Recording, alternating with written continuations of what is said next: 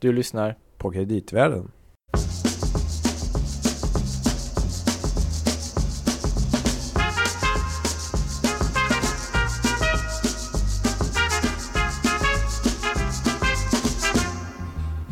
The WEF's annual look at global threats is sober reading. It concludes heightened uncertainty and popular discontent continues, with major threats to economies and countries, including climate change, cybersecurity, and inequality.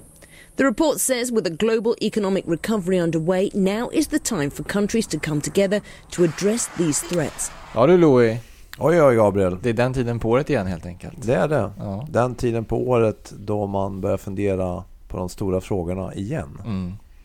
När vabbandet är som värst och snön öser ner. Ja, du tänker så. Nej, jag vet inte. Tänker du? Louis Landeman.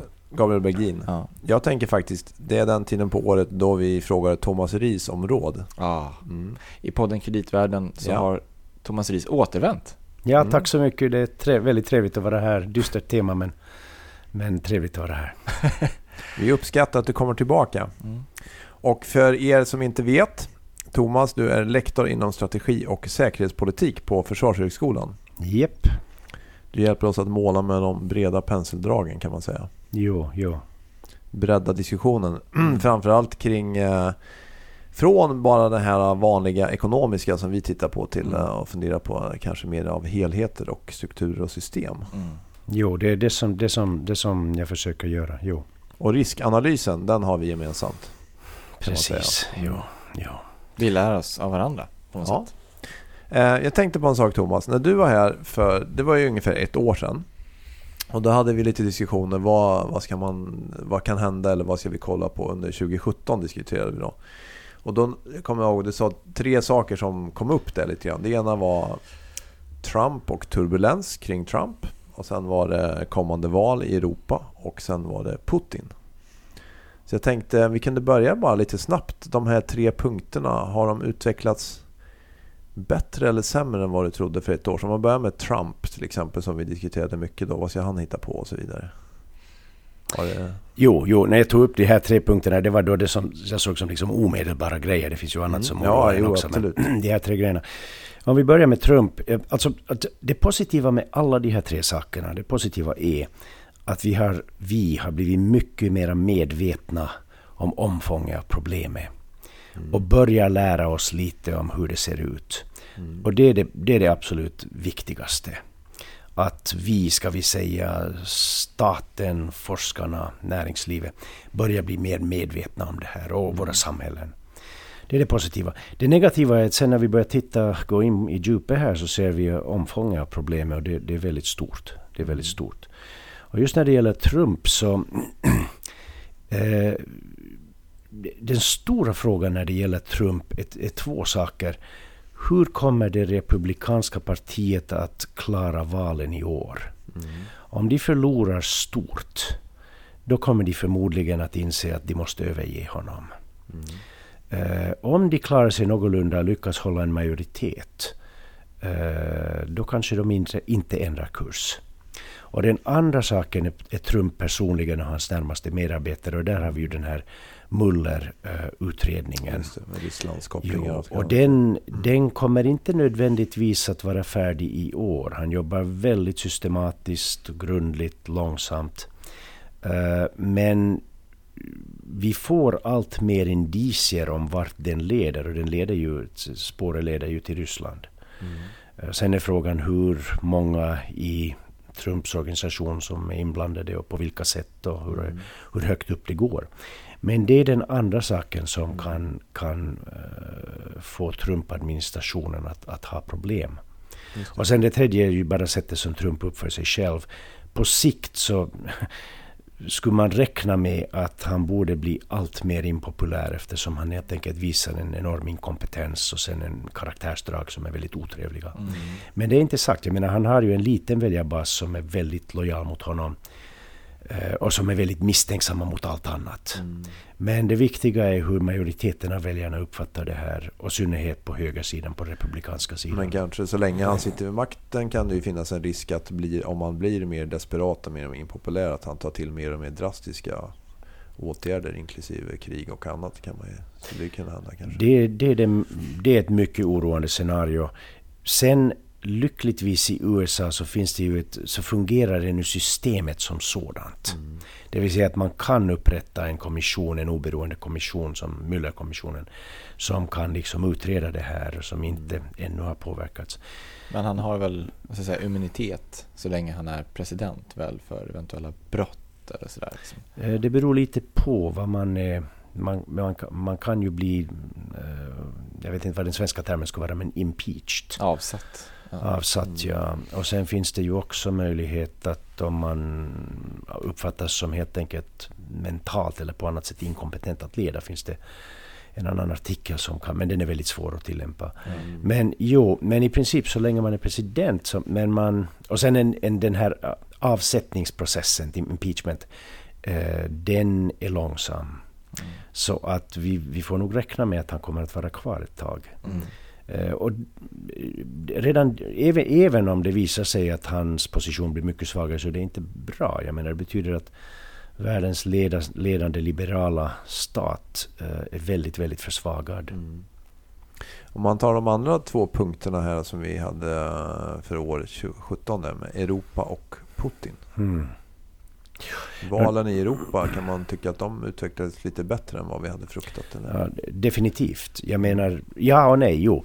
Men alltså Brexit hade vi redan bakom oss. Ja. Och eh, vi får ännu se hur utfallet blir. Det. det finns ju en liten chans att på något sätt fintar de så att det inte äger rum, men det ser inte ut som om det är sannolikt. Så det kommer väl att äga rum. Och, det positiva var ju utgången i Nederländerna, sen särskilt i Frankrike där Macron mm. vann. Macron påminner väldigt mycket om Barack Obama. Mm. En slags um, goda människors hopp om vad som kan liksom rädda läget. Men problemet med Obama var att han lyckades inte helt tillräckligt vända trenderna. Nej. Så att eh, efter honom så kom Trump. Ja, det kan och bli en sorts besvikelse. Ja, samma sak kan hända med Macron. Att, att han, är, han är definitivt Frankrikes hopp. Men om han inte lyckas reformera Fran Frankrike eh, så kan han vara Frankrikes sista hopp. Då kan vi få en fransk motsvarande till Trump i mm. makten vid nästa val. Mm. Men är Frankrike lika delat? Jo, som... alltså problemet för Macron och Frankrike är följande. Att om man inte lyckas reformera franska ekonomin då riskerar Fran Frankrikes ekonomi att, att, att, bli riktigt, riktigt dåligt. Mm. Och det kommer att sen drabba samhället. Mm. Uh, men om han ska reformera ekonomin så då måste han göra uh, reformer i arbetslagstiftningen och mm. sociala reformer. Och det kommer att bli extremt opopulärt. Mm. Så att, och vi vet då att, att fransmännen de, de, de, de protesterar omedelbart och, och mm. kraftigt många fackföreningar och så vidare. Så att, så att eh, även om han lyckas reformera franska systemet så kommer det att bli en väldigt turbulent period. Mm. Så båda sidorna. Men å andra sidan långsiktigt så måste han reformera den franska ekonomin för annars går det bankrutt. Apropå uh, Europa och val så det är ju, nu i år är det ju val i Italien. Ja. Och där är det ju, miss, ja, nu ser det kanske ut som högern, delvis extremhögern, ja. kommer till makten kanske. Så alltså, där kan det bli turbulent i ja, närtid kanske. Problemet är nu att, att nästan alla våra samhällen så har vi nu en, en rätt stor del av väljarkåren som är missnöjda, som är villiga att rösta på eh, alternativa lösningar till, till de politikerna som de börjar förlora förtroende för. Mm. Och det kan vara alternativ långt till vänster som Jeremy Corbyn eller det kan vara långt till höger som Berlusconi. Mm. Uh, men de, de eller, eller Marine Le Pen, hennes parti. Uh, så att, så att i alla dessa fall, då kommer vi till Putin, så kan man också mm. underblåsa de här extrema trenderna. Det. Och det som, det som vi har, eller det som liksom experterna i det här området har rapporterat från Tyskland, Frankrike och USA är att Ryssland eh, är aktivt engagerat i att underblåsa de här, allt, allt som egentligen leder till större Eh, social um, turbulens i våra samhällen. Mm. Och det är, ja, de kanske har betett sig ungefär som man trodde under året. Om man tänker tillbaka ett år och vad har hänt. Så det har fortsatt på den, trend, fort, den inslagna vägen så att säga. Jo. Det alltså det positiva är just det här att nu, nu har man börjat bli medveten om det här, man börjar granska det här, man börjar lära sig mer om vad som händer. Mm. Det är det positiva. Det negativa är att sen när man tittar på det så ser man att, att det har varit väldigt omfattande och ganska effektivt. Mm. Och det är inte bara valrörelser, det är också separatiströrelser uh, som ju också är en källa till turbulens. Allting som leder till att vårt samhälle blir mer splittrat, mer turbulent, som gör det svårare för statsmakten att, att styra. Uh, allt det försöker man uh, uppmuntra. Just det. Vi eh, började ju dagens avsnitt där Gabriel med att lyssna. Det var ju från World Economic Forum ska ju sägas då, i Davos. Mm. Och där gör man ju en sorts risk. Bland annat det finns en riskrapport där man sammanfattar olika, olika risker mot mm. samhälle och, och, och, planet även. Jag tänkte så här. De, I den rapporten, eh, som för övrigt är väldigt bra, så delar man ju in i lite olika avsnitt. Det kunde kanske vara ett bra sätt att gå igenom tillsammans med dig Thomas.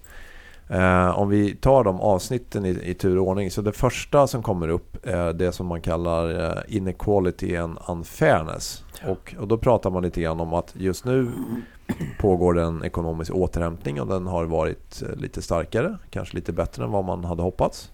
Men att den är rätt ojämnt fördelad. Och där ser man det som en, eh, som en risk.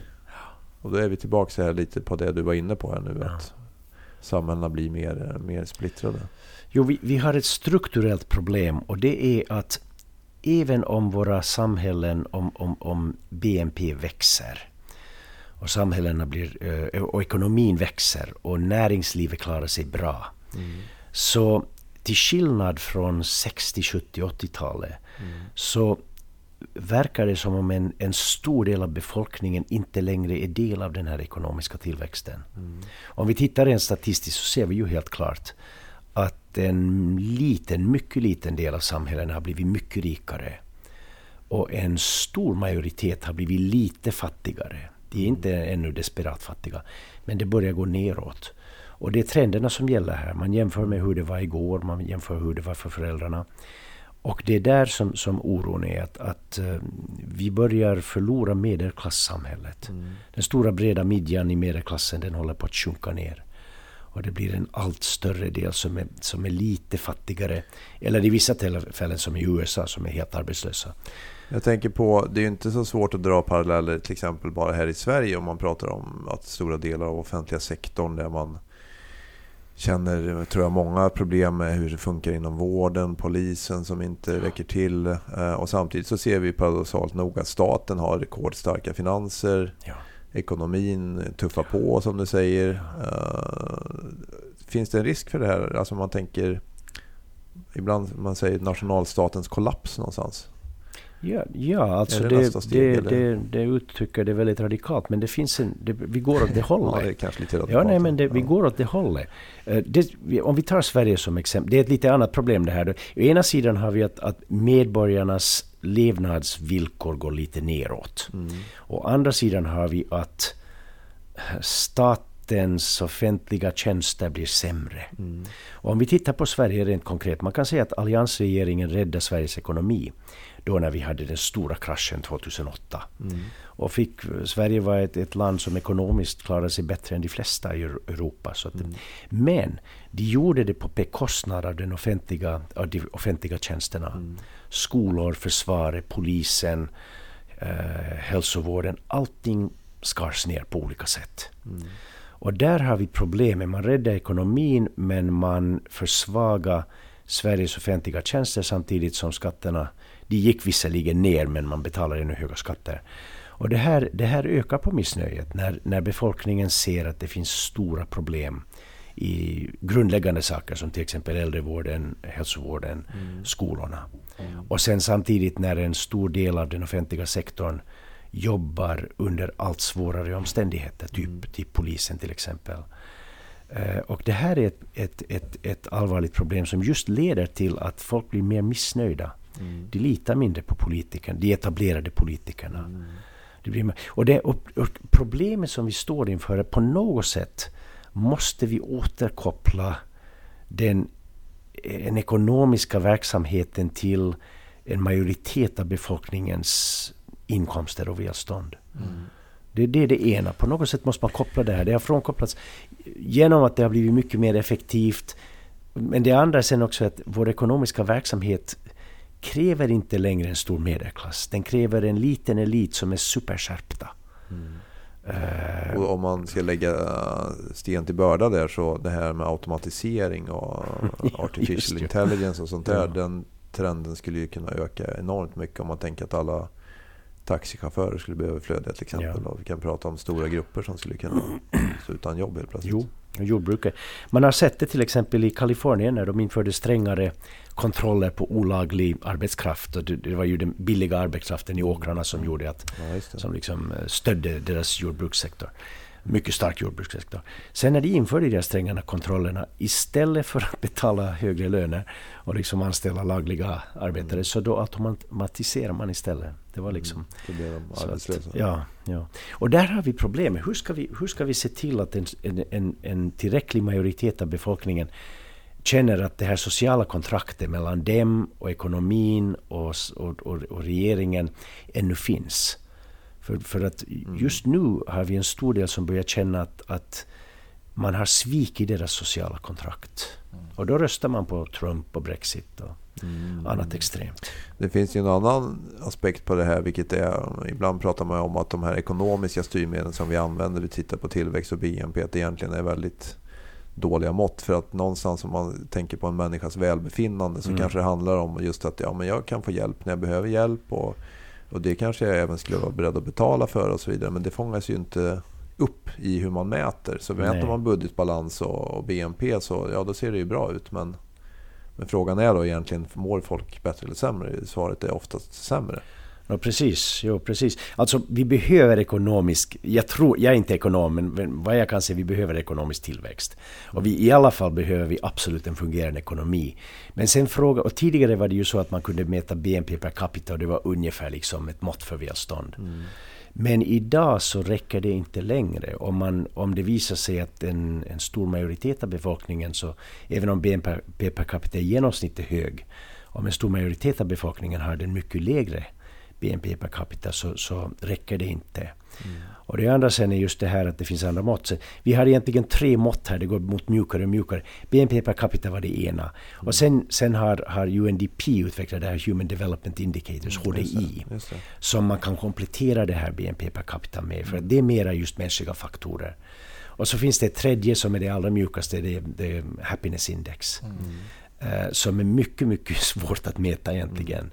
Men som man kan mäta. Det, det finns ju globala index för det här happiness index. Mm. Och på något sätt måste vi måste vi koppla in den här psykologiska faktorn i våra beräkningar. För annars så går vi mot en Weimar-situation. Att eh, mm. allt större del av befolkningen blir allt mer missnöjd och röstar på allt tokigare beslutsfattare. Mm. Man skulle man acceptera det som styrindikator? Om man som väljare säger, om man möter ett parti som säger att vi vi siktar på högsta möjliga happiness indicator. Mm, mm. Skulle det tas på allvar? Eller? Det låter bra. Det låter ljuvligt. Och i, i, vanliga omständigheter skulle man tycka att väljarna skulle vara tillräckligt uh, kloka för att uh, ställa ja, hur, hur ska ni göra det här? Liksom. Mm. Men att nu lever vi i lite ovanliga tider. Jag menar om vi bara tittar på Trump. Han lovar guld och gröna skogar. Och det var tillräckligt många som okritiskt uh, accepterade det här och apropå honom. happiness index Gabriel, jag tänkte för att han i, i Italien, Beppe Grillo, han är ju clown mm. för detta. Ja. Så att han skulle ju kunna vara perfekt att ha ledare här med happiness. Ja, Jo, jo. Just det, alltså, det, det, finns ju det här att uh, if you want a circus, elect a clown. Mm. Det har man ju tagit fram i USA med Trump. Och det är lite det som man får, men problemet är att det, en cirkus är inte det bästa sättet att, att styra väldigt, väldigt viktiga Nej. frågor som vårt välmående och vår, vår äh, ekonomi och vår miljö. Om vi går över till nästa punkt då i den här rapporten. Uh, då pratar de om risk, risks of conflicts. Mm. Um, där har vi väl ett litet klipp, Gabriel? Ja. Inte det? Mm. Kommer inte bli det du tror, för jag har Nej. ett annat också. Ja. För, och det, du var ju inne på det lite grann i början där eh, Thomas angående just Trump och hans eh, eventuella oberäknelighet. Mm -hmm. Att han kanske försvarar sin egen position med att agera utåt. Mm. Och vi hörde ju det i FN för inte så länge sedan när han mm. sa så här. The United States has great strength and patience. But if it is forced to defend itself or its allies, we will have no choice but to totally destroy North Korea. Rocket Man is on a suicide mission for himself and for his regime. Ja. Just det. Nordkorea. Det, har vi ju, det var ju flera månader sedan på sätt som vi pratade om Nordkorea. Men den situationen har väl inte försvunnit direkt. Absolut inte. Men här måste man säga till Trumps försvar att eh, under år, ja, flera årtionden så har man ju kört den försiktiga diplomatiska linjen med Nordkorea och så vidare. Och det har inte hjälpt det minsta. Nej. Alltså nu utveckla, försöker de utveckla interkontinentala ballistiska kärnvapenmissiler. Mm. Så, menar det, så att det, det, det, Trump talade ett språk som nordkoreanerna nog förstår. Ja. Och de är inte galna. De, de, är extremt beräknande. Men eh, utifrån Nordkoreas, eller regimen i Nordkoreas synvinkel så är det väl fullständigt rationellt att utveckla kärnvapen. Det är väl enda sättet att eh, undvika att man blir anfallen, eller? Ja, ur deras perspektiv. De har tittat på alla andra diktaturer Mm. Uh, och sett att um, förr eller senare så, så krossas de på ett eller annat sätt. Mm. Uh, och då har de dragit slutsatsen att det enda sättet att säkra sin överlevnad är att ha kärnvapen, att kunna avskräcka. Mm. Så det är rationellt. Men för dem är det bara rationellt så länge som de inte behöver använda dem. Uh, första, första gången som de använder något så är de fullständigt slut. Då, då kommer det att bli motåtgärder som ödelägger dem. Mm. Men å andra sidan så de, de, de, de ansvarar för så fruktansvärda brott mot mänskliga rättigheter, alltså det stora delar av Nordkorea som en enda koncentrationsläger, att de vet att um, för dem är det, är det allt eller inget. Mm. Om det börjar lite bryta ihop i Nordkorea och om regimen skulle falla, då skulle världens dom vara så hård mot dem. För att de, de, de, de, har, de upprätthåller en sån skräckregim och en sån, sån fruktansvärda brott mot mänskliga rättigheterna. Att, att de, har, de, de, de måste ta till de hårdaste måtten som de kan för att Problemet är väl att även om de inser det så kan väl det leda till att det blir någonting som drar in hela världen om man kommer till den punkt där de måste ta jo, till den här. Det, det är det oroande. Alltså, alltså det landet som kanske, ja det finns flera länder, men det landet som kanske är mest oroat över att det skulle bli någon slags våldsam konflikt i Korea, det är ju Kina. Och orsaken är inte bara då flyktingar... Och syd, Sydkorea också kanske? Ja, syd, alltså, okej. Okay. Om, om vi, Sydkorea allra mest. Ju. Syd, Sydkorea skulle, skulle ju drabbas sannolikt fruktansvärt illa. Mm. Men Kina, ska vi säga de stora stormakterna. Mm. Och det är delvis på grund av uh, flyktingar och sånt, men först och främst är det på grund av, av hur det skulle drabba Kinas ekonomi. Uh, det skulle drabba världsekonomin genom att det skulle påverka handelsflödena mm. Från Nordostasien till resten av världen. Och då skulle det drabba Kina och Japan väldigt, väldigt hårt. Mm. I, om, det beror på scenariet, men, men sannolikt. Mm. Men då apropå det här med konfliktrisk eh, så kommer man ju ofta in på diskussion kring råvaror och råvaruberoende. Och det fanns även en form av framtidsspaning här i World Economic Forum där man pratar om vad kan hända 2030 och så försöker man titta på hur kan förändringen ske ja, hur, hur våra samhällen utvecklas och vad man blir beroende av och kanske mindre beroende av. Så det har vi, vi har ett annat klipp där va Gabriel? Mm, ett exempel på just det. Ja, precis. Mm. For example, This uh, U.S. Uh, geological survey map suggests the degree to which the United States is dependent on China for mineral commodities that are essential in technology, security, and energy. And as the transportation sector moves toward electrification, critical resources include key materials for lithium ion batteries, currently produced in very few nations. For example, as much as 54% of identified lithium resources globally are in the so called lithium triangle of Chile, Argentina, and Bolivia. 55% of cobalt is mined in the conflict ridden Democratic Republic of the Congo, and 66% of the world's graphite is produced in China.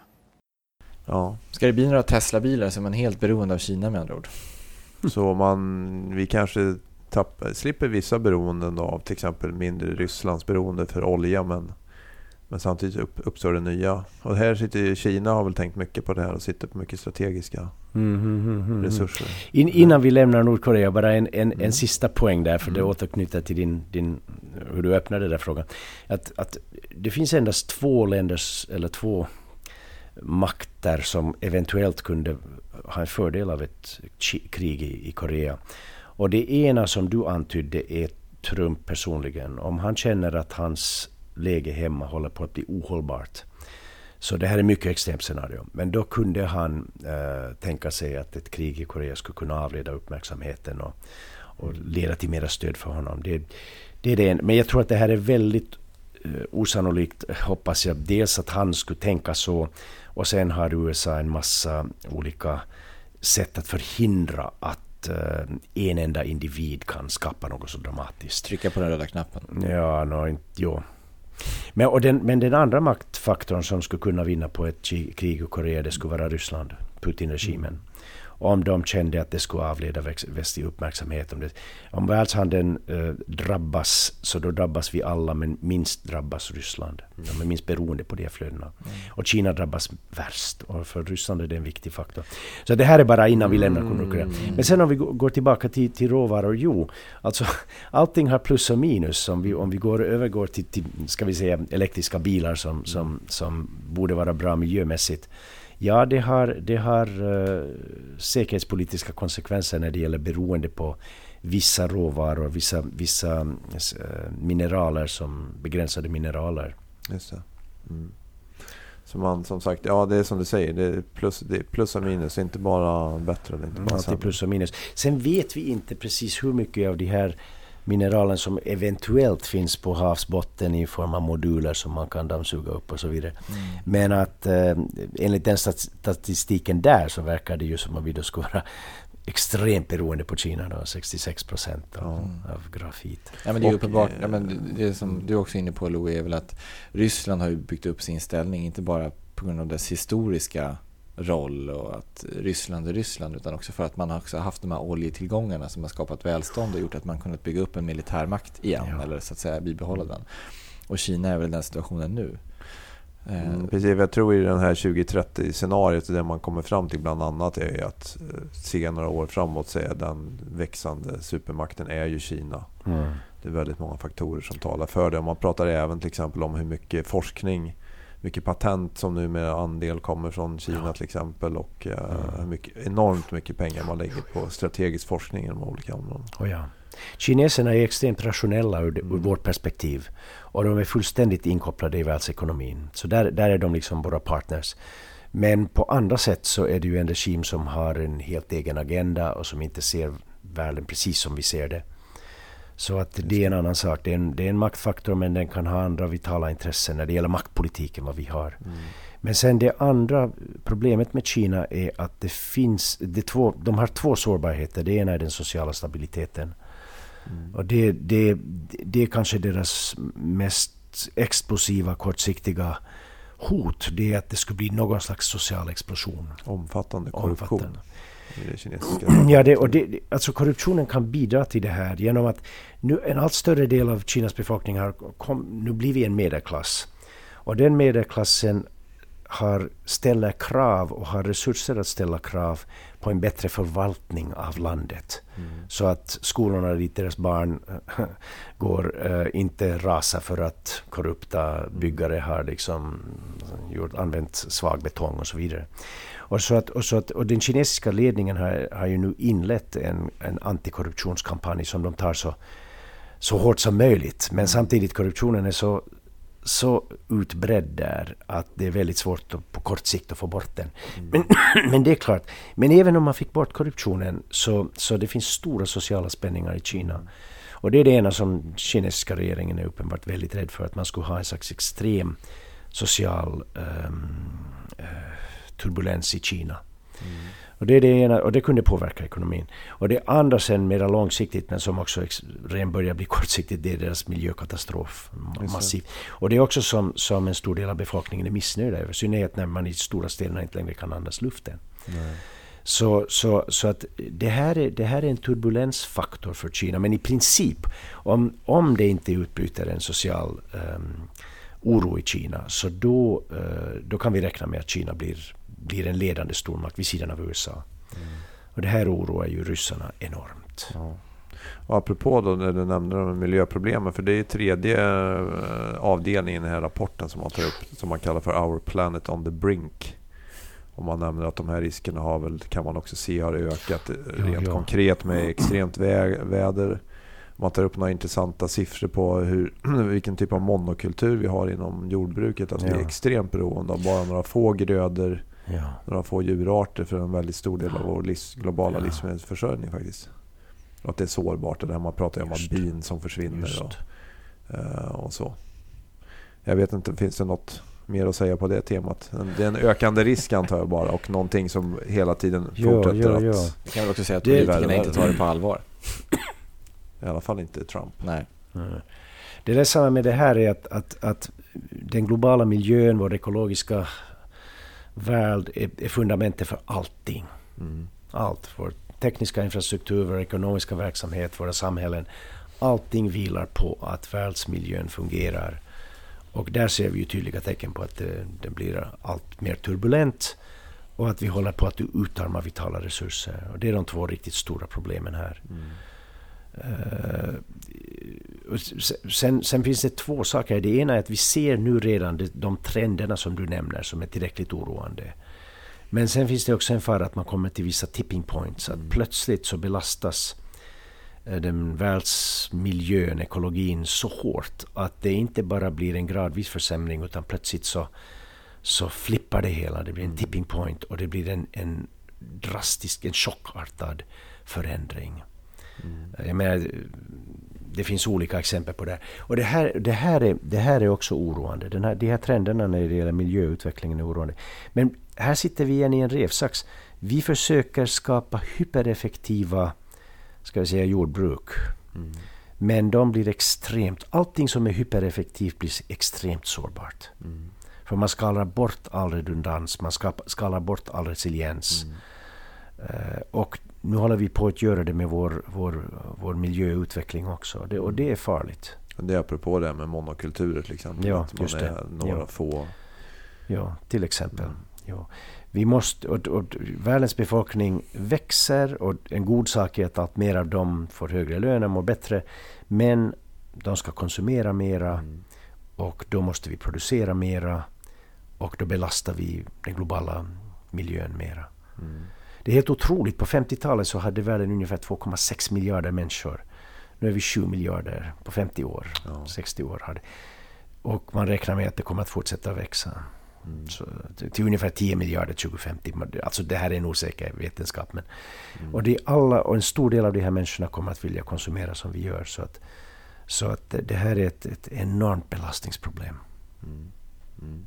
Och det är faktiskt för sista punkten i rapporten. Det delvis touchar det här med de pratar om growing vulnerability to systemic risks. Att vårt samhälle mm har blivit mer sårbart. Och det här är väl ett exempel då mot en till exempel ekologisk eh, form av, av kollaps. Men för att runda av bara med den sista punkten som är i rapporten. Då har de uppe lite som vi varit inne och touchat på redan. Då, men att cyber defenses mm. are being jo, jo. tested. Vi har ju amerikanska valet som exempel där. Och även diskussioner om det i Sverige. Vi kan ju bara för att knyta an till liksom någonting som känns väldigt nära hemma. Mm. Så i eh, SVT Agenda så var MSBs eh, ansvarig på området, Sebastian Bay tror jag han heter, och, på besök och pratade med dem. Ja, för jag tänkte just fråga, vad är målet? Ja, målet kan ju vara dels att påvisa att demokrati inte fungerar för att underminera det. Men det kan också vara att få ett visst utfall, att man vill ha ett, att ett visst parti ska vinna eller ha ett visst mm, beslut i en viss fråga. Man vill alltså påverka valresultatet då? Ja men absolut, så kan det vara att man vill påverka valresultatet, att man vill ha ett visst utfall. Men det kan också vara att man vill påverka förtroendet för demokratin i sig. Och det är någonting som vi såg i det amerikanska exemplet. Man försökte påverka de system som fanns där för att registrera väljare och spred desinformation om förtroendet för valet. Ja, det känns ju extremt, eh, jag på säga, oroande om vi inte har förtroende för de institutioner som finns. Mm. Vad har vi kvar då? Det här är ju då bekräftat av amerikanska myndigheter, brittiska, tyska, franska som, och fler, många fler mm. som har gått ut med det här. Um, när det gäller cyberhot så, så, borde vi skilja mellan två sorters. Det ena är att använda uh, cybervärlden för att sprida desinformation. Och det är det som det här handlar om. Mm. Och det andra är att utföra tekniska attacker som saboterar våra vitala, teknisk, vår vitala tekniska infrastruktur. Mm. Stänga av vatten och ström och så vidare. Så det är två lite olika saker. Mm. Men om vi då tar det här som det här exemplet eh, handlar om. Så jo, det, det som nu har framkommit just om vi går tillbaka till 2017, skillnaden från ett år sedan. Är att nu har vi blivit medvetna om att um, eh, Ryssland utnyttjar den här sociala, sociala oron som, som sker i väst nu. Mm. Och underblåser den extremt mycket. Och just genom att uh, gå in på sociala medier, manipulera sociala medier, uh, få folk att förlora förtroende för valen. Uh, också kanske tekniskt försöka påverka informationssystemen som våra val, våra, vår rösträknande är beroende på och så vidare. Och så vidare. Mm. Och det här sker i stor skala. Och nu har vi ju i Sverige har man ju sagt att det här kan vara en faktor för svenska val. Man säga utifrån ett ryskt perspektiv har man ju varit väldigt duktig på det och väldigt tidigt ute då. någon sorts spaning att man ska kunna göra sådana här grejer. Mm. Är det liksom styrkan med den gamla KGB att de är, är de duktiga på information eller? Jo, alltså sen å ena sidan borde vi inte måla upp ryssarna som att de är liksom 10 meter höga heller. Uh, men om vi tittar tillbaka så, så det här är ett marxistiskt-leninistiskt arv från Sovjettiden. Redan från 20-talet framåt så, eller så skapade de något som de kallar för styrkekorrelation mellan länder. Mm. Och det var mycket mer än bara det militära förhållandet. Men att man tog i beräknandet social styrka, samhällets eh, resiliens. resiliens och också samhällets mm. stöd till regeringen eh, viljan, eh, ekonomisk styrka, teknologisk infrastruktur och så vidare. Mm. Och man beräknar makt utifrån alla de här faktorerna. Mm. Och det som vi nu ser att Putin-regimen har gjort är att de har tagit den här styrkekorrelationsanalysen och de har utvecklat det och anpassat det till dagens värld där det finns mycket större möjligheter. Redan om, om man minns i kalla kriget så, så, så hade ju ryssarna det som de kallar för active measures, aktiva medel, för att försöka underblåsa fredsrörelsen och så vidare. Um, och det är det som de gör nu, men med sociala medier så kan man göra det tusen gånger mer effektivt. Mm. Och så de är väldigt skickliga på det här. Så att det har funnits någonstans i deras mindset att man eh, just kan tänka på det här viset. Liksom. Och det har vi jo, någonstans missat. I alla fall tidigare. Det, absolut. Nu börjar man förstå att... Det är två saker som, vi har, som våra ledare har missat, eller ska vi säga de som ligger väst för Berlin. Eh, det ena är att Ryssland faktiskt känner att de är i krig med oss. Mm. Och att de känner också att vi har krigat mot dem på samma sätt. Mm. Så det är det ena. Så att, så att Ryssland kör en maktpolitik som våra ledare bara vaknar upp till efter Ukraina-invasionen 2014. Mm. Så det är det ena. Och det andra sen som vi nu vaknar upp till efter Trump, det är hur de för den här maktpolitiken. Uh, mm. Och det är just det som, det som brukar kallas för full spectrum. Mm. Det vill säga att, att det är inte bara så att man försöker upp, bygga upp en stark militärmakt, det gör de också. Mm. Men att man också just försöker försvaga våra samhällen, försöka förbereda på uh, cyberattacker så att man kan mm. sabotera våra informationssystem som ger oss ström och vatten och så vidare. Uh, och mycket mer. De har ett mycket, mycket brett perspektiv på makt som vi, in, vi har inte tänkt på maktpolitik, å det ena sidan. Och det andra sidan så har vi inte tänkt på det sättet som de gör det, som är mycket sofistikerat. Mm. Men är det för att man tycker att man moraliskt står över det på något sätt, eller att man inte ska? Eller att alltså motiven bakom deras agerande är lite svårt för mig att bedöma, men det som vi ser, det finns väldigt många signaler på att Putin-regimen uppfattar att väst hela tiden har försökt angripa Ryssland på samma sätt. Mm. Och typexempel, de går tillbaka till kalla kriget när, när Reagan-administrationen faktiskt satte igång en mycket sofistikerad grand strategy för att slå ut Sovjet. Mm. Och en del av det var att stödja oppositionsrörelser typ Solidarnosc och andra som ledde till att Warszawapakten kollapsade. Och när ryssarna tittar tillbaka till det här då tittar de framåt och säger jaha, Ukraina 2014, stora demonstrationer som uh, avlägsnar en ryskvänlig regim och ersätter den med en EU-vänlig regim.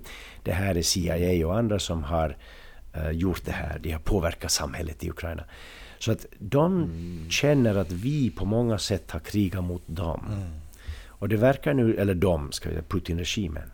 Och det verkar som nu som att de tänker att okej, okay, nu ska vi använda samma mot dem. Och det gör de väldigt effektivt.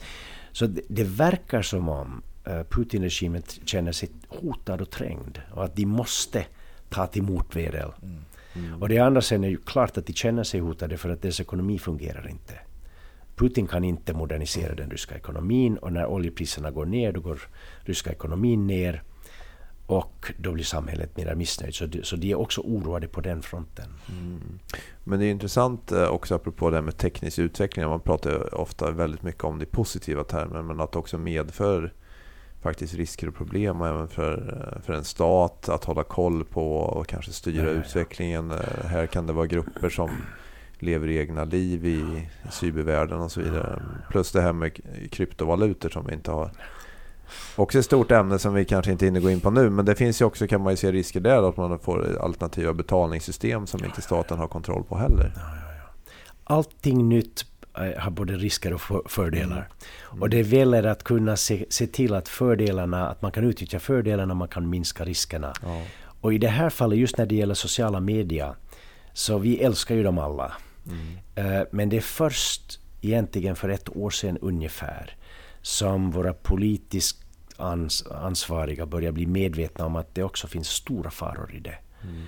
Och som man nu försöker börja förstå hurdana faror är det och hur kan vi minska dem? Det. Mm. Och det är det, det är det, som är utmaningen nu just när det gäller det här med informationskrigföring. Mm.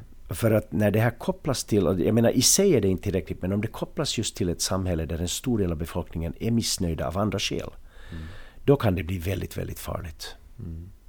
Och det är det som vi nu ser, att mm. ryssarna kan utveckla, utnyttja en situation som redan i sig är dålig. Och då kan man underblåsa den och blåsa mm. liv i flammorna. Mm.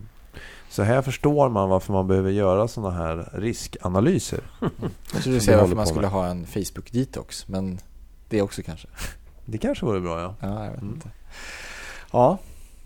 Som vanligt mycket att fundera på när man har pratat med dig ett tag Thomas. Ja. Mm, tack så mycket, det är väldigt trevligt att vara här trots, trots det dystra tema. Mm. Ja, riskanalyser är A och O, men mm. de är problematiska för att man vet, man kan måla upp ett 30-tal, och det gör ju World Economic mm. Forum, 30-tal stora risker. Men vad som sen kommer att drabba en och så vidare och sen att kunna fatta beslut på det här, det blir svårt. Ja. Vi får sätta oss och räkna på lite sannolikheter nu Louis. Men därför gör det vi går, så att det, vi... Det, det, eh, det, går inte längre. Vi kan inte, inte det, det, är problemet. Vi kan inte räkna sannolikt. Alltså det här är intressant. De stora återförsäkringsbolagen har tittat på det här. Och de, det är väldigt mycket som man kan beräkna. Mm. Och sen sätta liksom en ränta på. Men ju, det är riktigt stor, vi har så många stora potentiella katastrofer nu mm. som kan hända. Och där är det väldigt svårt att beräkna sannolikhet. Och då, har, då, är det, då det finns till exempel ett, ett stort återförsäkringsbolag, deras chefsanalytiker har sagt att vi kan inte göra statistiska analyser för det här längre, utan det är insikt och intuition som gäller. Ah. Och det är mm. ganska intressant att höra från, från mm. den här sortens uh, källa. Insikt och intuition, det ska bli våra nya ledord Gabriel. Ja. Men det är flummigt. Nej, jag tycker det låter bra. Sätter upp det på väggen tycker jag. Absolut. Mm. Men vi får väl göra så här då, eftersom vi inte vet. Vi får väl göra en utvärdering om ett år igen med dig. Just det. ja, vi hoppas att vi kan göra det. Det hoppas vi. Mm. Bra. Mycket bra. Mm. Och uh, i nästa avsnitt så ska vi ta upp ett av de många teman vi har pratat om idag. Försöka prata om ett positivt exempel inom det området. Så inte Ryssland? Det låter lite kryptiskt. Det är inte kryptovaluta. Nej. Det är något annat. Ja. ja. Härligt. Och inte Ryssland. Nej. Har ni några kommentarer på det som ni har hört idag, eh, frågor, så kan ni jättegärna höra av er antingen mm. till brevatkreditvarden.se eller skriva på Twitter eller en kommentar på vår hemsida. Absolut. Mm. Vi hörs igen. Och stort tack Thomas. Tack själv. Hej då. hej. hej.